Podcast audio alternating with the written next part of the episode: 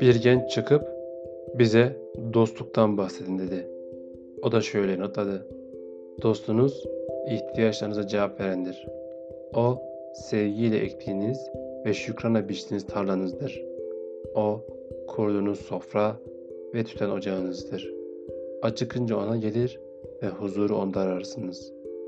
Dostunuz zihninden geçenleri söylediği zaman ne kafanızdaki hayırdan korkar ne de evet cevabını saklarsınız.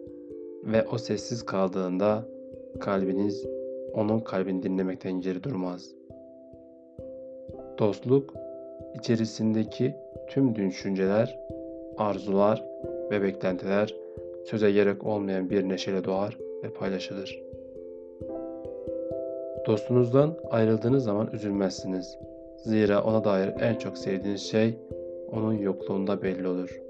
Dağcıya dağın aşağıdan daha net gözükmesi gibi dostluğunuzun ruhunuzu zenginleştirmekten başka bir amacı olmasına izin vermeyin. Zira kendi gizemini ifşa etmekten başka bir şey düşünmeyen sevgi, sevgi değildir. İleri doğru fırlatılan bir ağdır ve bu ağ sadece semeres olanları yakalar. En güzel tarafınızı dostunuza saklayın.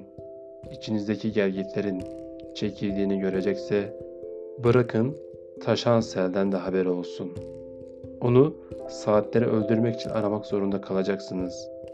Arkadaşlarınızın anlamı ne? Bunun yerine her zaman yaşanacak saatler için arayın onu.